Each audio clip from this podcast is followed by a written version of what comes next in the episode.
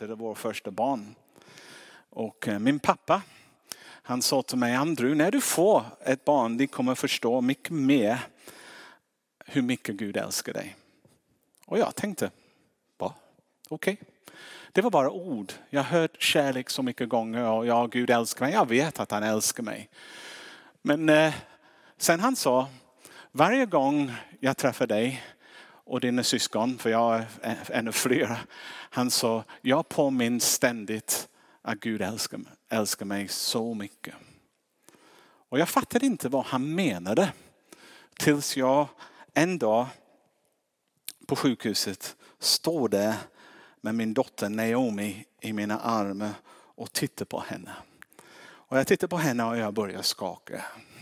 Jag överväldigas av starka känslor som jag inte är van Och även om hon kan knappt kommunicera med mig, även om hon är väldigt liten och skrynklig. På filmen de alltid ser vackert ut men min i verkligheten det alltid ser ut som en, eh, en torr plomma.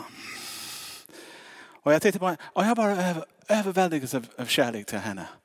Och jag visste att det spelar ingen roll vad kommer hända med dig i livet. Jag kommer finnas till för dig. Jag kommer göra allt i min kraft Eh, för att se till att du får den bästa möjliga liv som du bara kan.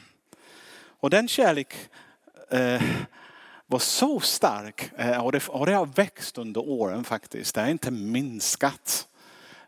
Och jag blir förvånad själv över hur stark det var. Och sen började jag tänka om jag som är bara en skapad, en syndig människa kan ha så mycket kärlek i mig till ett barn som, som föds åt mig. Hur mycket mer kärlek har inte Gud när han skapar en människa och de kommer till världen. Och han har längtat efter dem. Det är nästan som han har funnits där och väntat med förväntan. Han ser på oss när vi föds. Han, han, han, han, han tänker wow, här är någonting underbart. Och det är verkligen underbart. Eh, och, och jag, jag blir... Jag förstod vad min pappa menade när han sa att jag kommer förstå mer av Guds kärlek. För, för vet ni, det spelar ingen roll vad mina barn har gjort under det. Jag har tre stycken nu. Jag älskar dem. Punkt. När de bråkade, när de var elaka mot varandra, när de strulade till ibland också. Jag älskade dem. Jag slutade inte älska dem bara för att de betydde sig dåligt. Jag slutade, jag, jag tänkte inte, ah, din lilla unge eller någonting så. Jag lovar.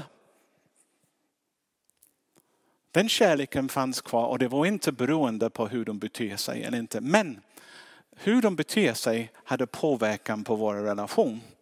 Eh, och huset ibland det kunde kännas spänd innan det. Om du skulle komma på besök och ringa på just då efter vi har haft en liten krock. Eller någonting. Jag, jag slår inte dem, förlåt. Det är bara att det är två åsikter eller två viljor eller tre viljor. Eller fyra mot en vilja. Mm, som kommer mot, och det finns denna spänning som kommer in. Det är klart att relationen tar en smäll. Och att det inte är lika fridfullt, det är inte lika glädje. Folk går inte runt med stora leende på ansiktet. Folk går liksom, går runt så här. Det har påverkan eh, om vi inte hittar varandra.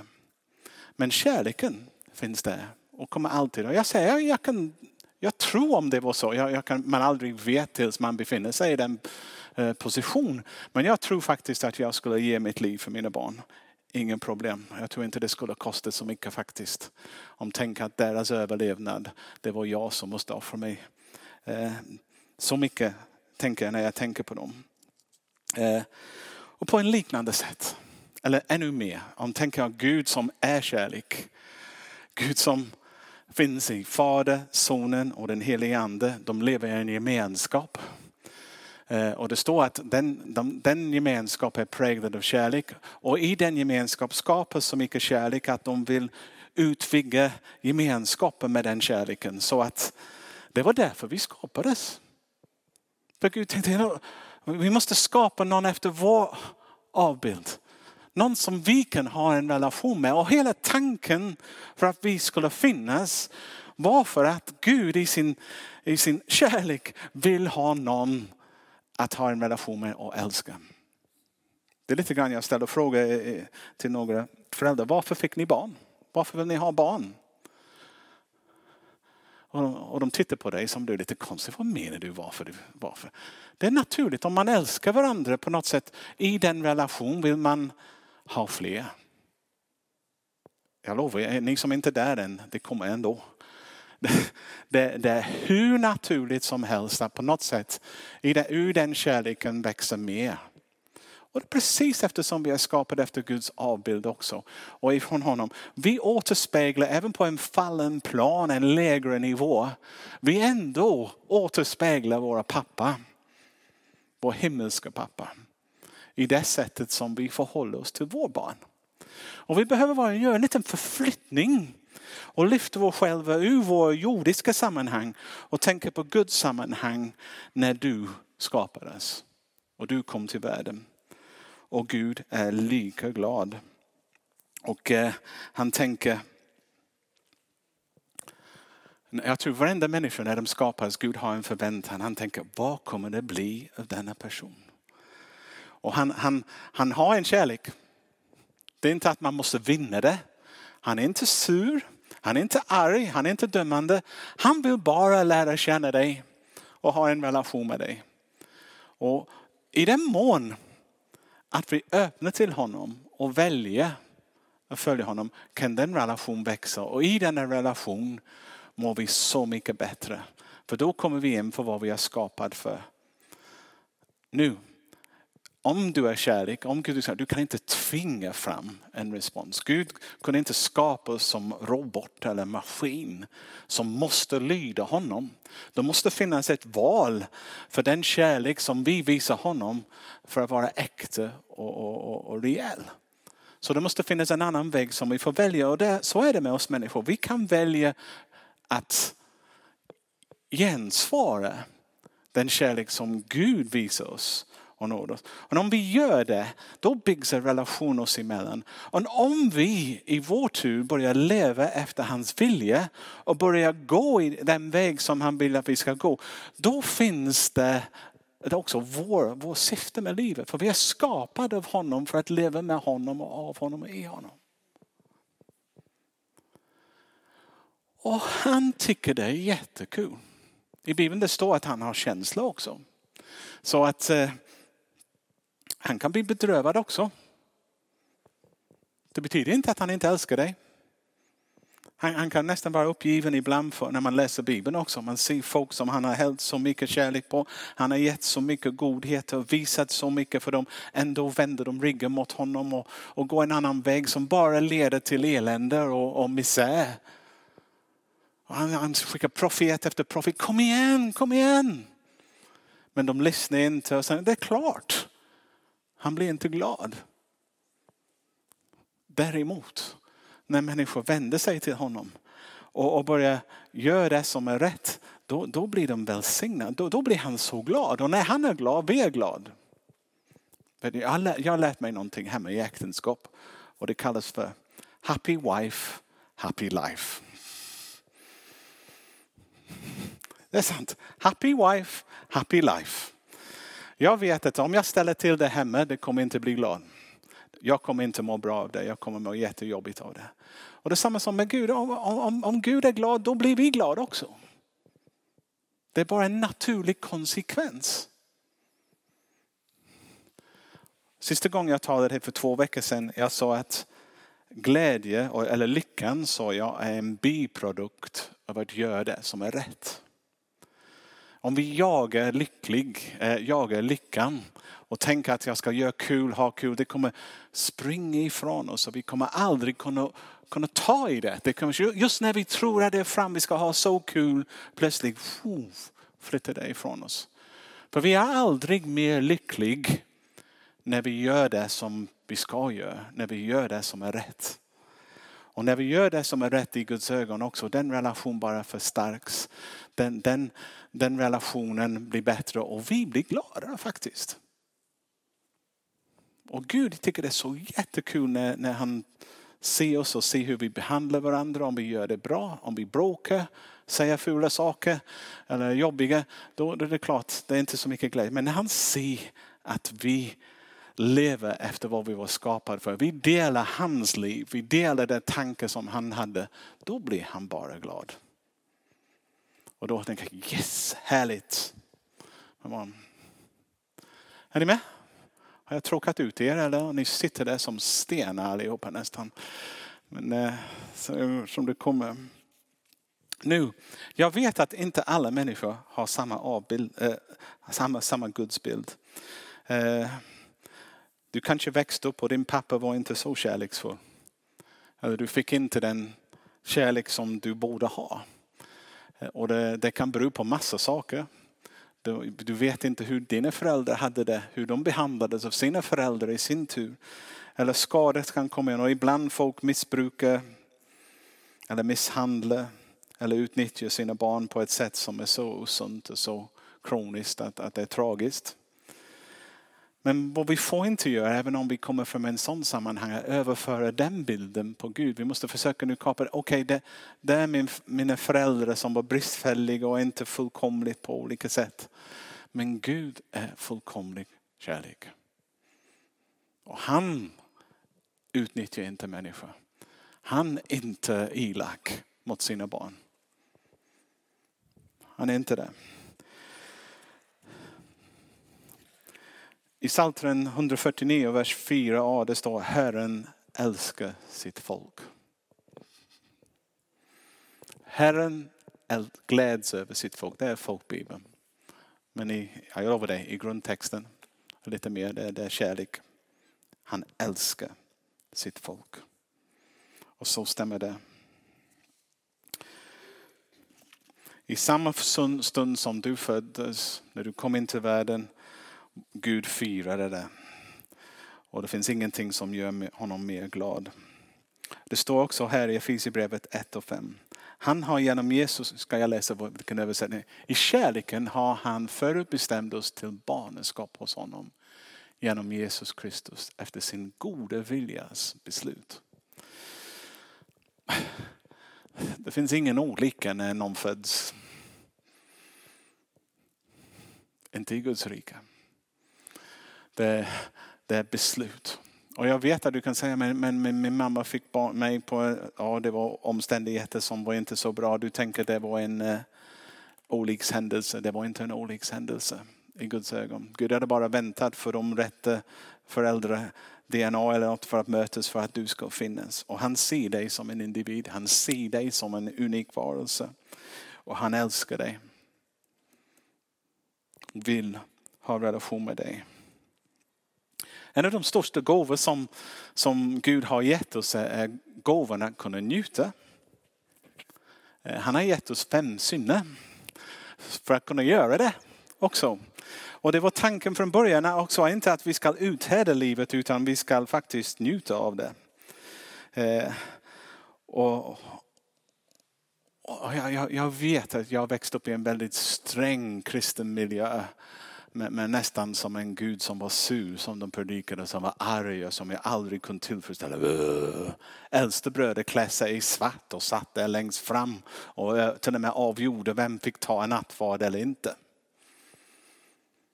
Det var en så falsk bild av vem Gud är.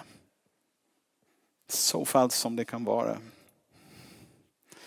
Och jag hoppas att ni kan eh, förstå att ni, varenda människa skapar otroligt starka känslor i honom. Och när vi vänder, börjar vända oss till honom, när vi börjar söka upp honom också, det finns ingenting som är mer glädje, glädjegivande för honom. Och det står i, i Bibeln att när någon kommer till tro, och egentligen kommer till tro betyder bara att man har kommit till den punkten när, när man tänker yes, jag väljer mina föräldrar, jag väljer min himmelska far för att leva för honom. Jag ingår i hans familj. När det händer, det står att det finns en fest i himlen. Det firas. Det är en fest när vi gör det. Nu, Bibeln har en, en begrepp för, för vad det innebär att leva för att behaga Gud. Och begreppet är ibland, ja det används rätt så ofta men det används inte alltid i sin rätta sammanhang. Begreppet som Bibeln använder är tillbedjan. Nu tillbedjan, eh, vi kanske behöver utvidga eh, vår förståelse av vad tillbedjan är. Många människor tror att tillbedjan är att sjunga psalmer eller sjunga lovsång och ge sig hen i, då, då tillbad vi. Men jag ska säga, ja, förmodligen gjorde du det. Men den delen är bara en del av ordet tillbedjan. Tillbedjan är när du lever ditt liv för att behaga din far. Det är sann tillbedjan. Så du kan tillbe när du plockar upp skräp på gatan. Du kan tillbe när du städar hemma. Du kan tillbe när du jobbar. Du kan tillbe när du äter.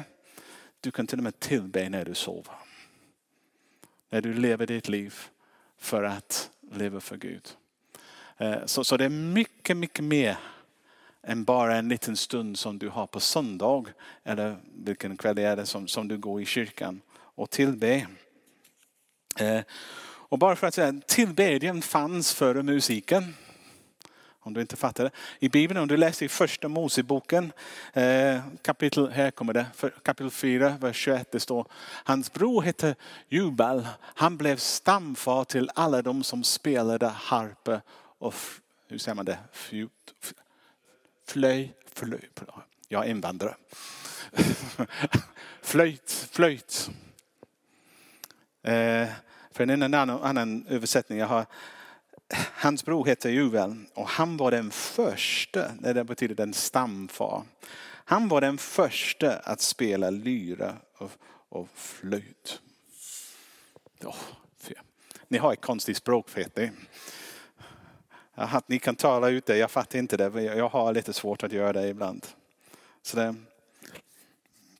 Och eh, och Adam och Eve tillbad Gud, levde sitt liv för att behaga Gud också, långt innan de kunde spela musik.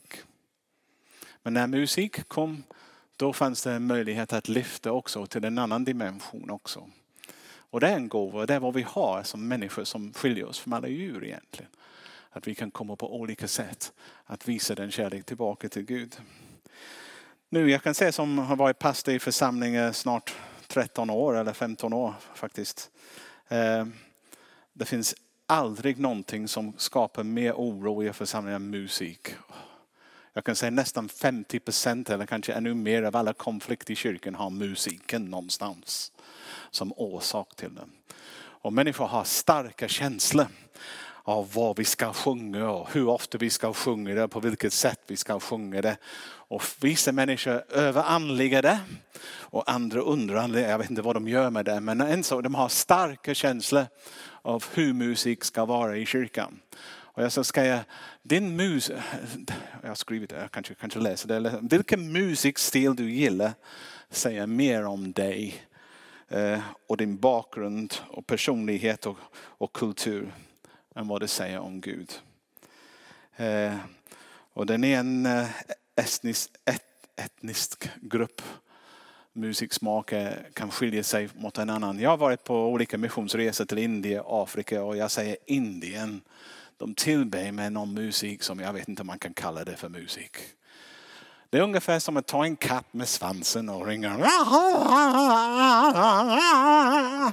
Och de, och de står där, de blundar och de, och de tycker det är underbart. Och de har en liten box som de slår ibland eller vrider och sånt sådär. Och jag tänker, vad i hela världen är detta? Och det är tillbedjan. De tycker det är underbart. Vi har en kompis här i kyrkan, Kärvan. Han ibland åker bilen med mig. Så första han gör är att ställa in musik till någon eh, persiska musikstil.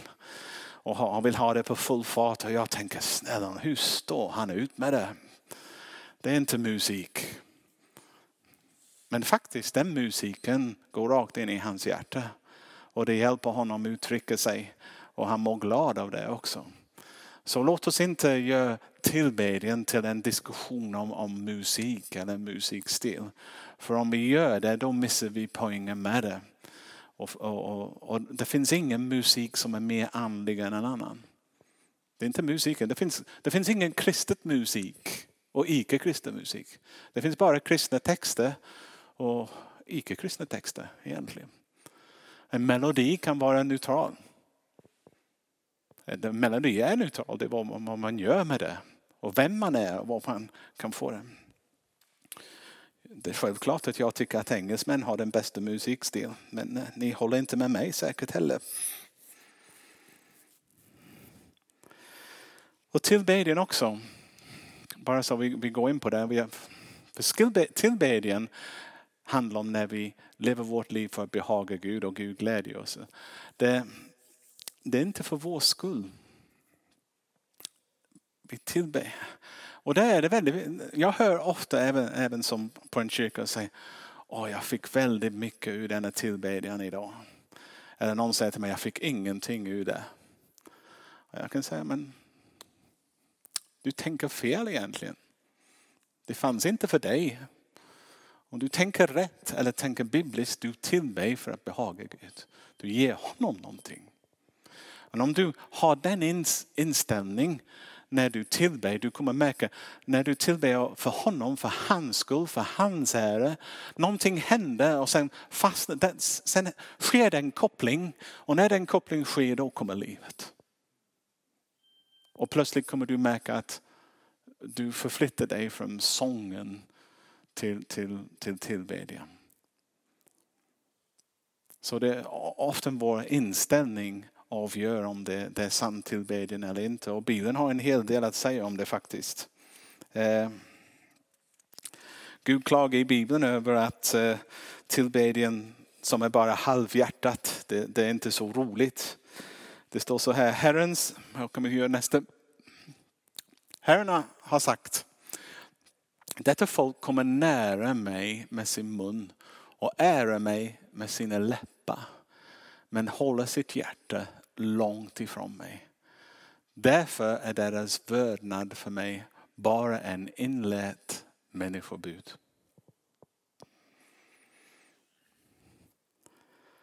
Där folk nalkas mig med sina ord och ärar mig med sin mun, men deras hjärta är långt ifrån mig. Och när vi är det, om vi har gjort tillbedjan till bara ord, om vi har gjort det till, till bara om jag gillar det, jag sjunger, om jag inte känner för det, jag sjunger inte det. Men när man verkligen bestämmer sig, jag vill behaga Gud. Jag vill leva ut nu, denna stund också för att ära honom. Då händer någonting. Han ser hjärtat och, och då kommer liv. Och då kommer också betydelsefull liv i dig. Då vet du varför du lever. Du tänker, jag är faktiskt skapad för detta. Jag är faktiskt kopplat för att ge min tillbedjan till någon annan. Och faktiskt, jag skulle säga alla människor är skapade att tillbe. Och de är skapade för att tillbe Gud. Om man inte hittar Gud, man kommer tillbe någonting annat. Man kommer hitta en surrogat eller en ersättare vad man kommer ge sitt liv. Det kan vara en fotbollslag, det kan vara en hobby, det kan vara ah, vad som helst. Men du kommer leva för någonting. Du kommer att ge din fokus eh, på något. Men om det inte är Gud, det kommer bli någonting annat. Men det, när vi ger vår fokus till Gud, som vi får hans behag i det, som relationen fastställs och livet bara kommer. Och plötsligt är livet inte så jobbigt. Man delar livet med konungens kungen. För tillbedjan egentligen är inte en del av livet. Den är livet. Allt vi gör kan utformas till en handling av tillbedjan om vi gör det för att prisa, ära och glädje Gud. Och det står här i första Korinthierbrevet 10, 31. Alltså om ni äter eller dricker eller vad ni än gör så gör allt till Guds ära. Hemligheten till en tillbedjan livsstil är att göra allt man kan göra för Jesus. Jag var inne jag predikade i, i söndags om arbete som eh, vi har skapat för. Jag säger, jobba inte för din arbetsgivare. Jobba inte för din fabrikschef eller kontorchef. Jobba, när du går till jobbet, jobbet som om Jesus var din arbetsgivare. När, när du hanterar de relationer på, på, tänk att du är hans representant. Vad skulle Jesus göra? Och börja fundera på de saker, då kan hela ditt arbetserfarenhet eller, eller smak av ditt arbete förvandlas och du kan få mycket glädje av det. Det behöver inte vara tröga och längta till fredag. Det står i Romarbrevet 12, vers 1. Jag vet inte hur det kommer. Därför uppmanar jag er bröder vid Guds barmhärtighet att frambära era kroppar som ett levande och ett heligt offer som behagar Gud. Er andlig gudstjänst. Jag ger er kroppar till Gud, låt dem bli till levande heliga offer av det slag som han kan ta emot.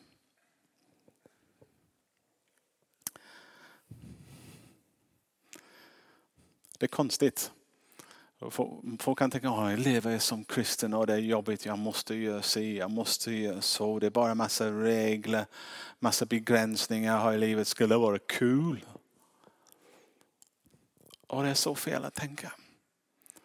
Egentligen, om du lever ditt liv för Gud, om du kopplar ihop med honom, är livet verkligen kul. Det är verkligen en spännande resa. Du kommer göra mindre saker som skadar dig, dig personligen och de andra människor i din närhet. Och du kommer märka att du blir till välsignelse för andra och till Gud. Och Gud kommer le över dig när han ser hur du lever. Och när Gud ler på dig, det kallas för välsignelse. Och, när, och om vi förstår det eller inte, vi alla behöver Guds välsignelse. Det är det du längtar efter mer än någonting annat. Eh, Guds välsignelse är inte bara ett ord som prästen säger efter en gudstjänst. Guds välsignelse är Guds behag när han ser att du ger honom ditt liv och du följer honom. Då kommer han med sin välsignelse.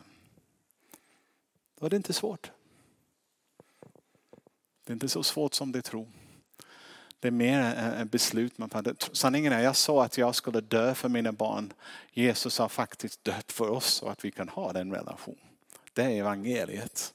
Han har gjort allt. Han har tagit vår ställe så att vi får leva. Det är hela evangelium i Bibeln.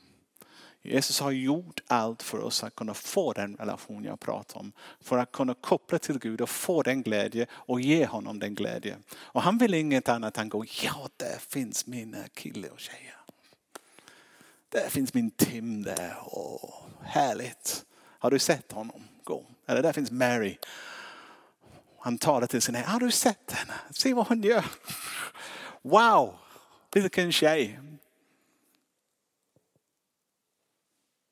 Där finns min Marie. Så är det. That's how he, that's how he sees us. Du är här idag, jag vet inte om du är kristen, om du inte tagit det steget, men ikväll är en bra tid att göra det om du inte har gjort det. Eh, bara säga, Gud tack att du skapade mig. Jag förstår nu att, att, du älskar mig och det har inget med min beteende att göra men jag vill att, att mitt liv kopplas till ditt liv. Jag vill komma in i det som du hade för mig. Jag vill verkligen bli den människa du skapat mig att vara.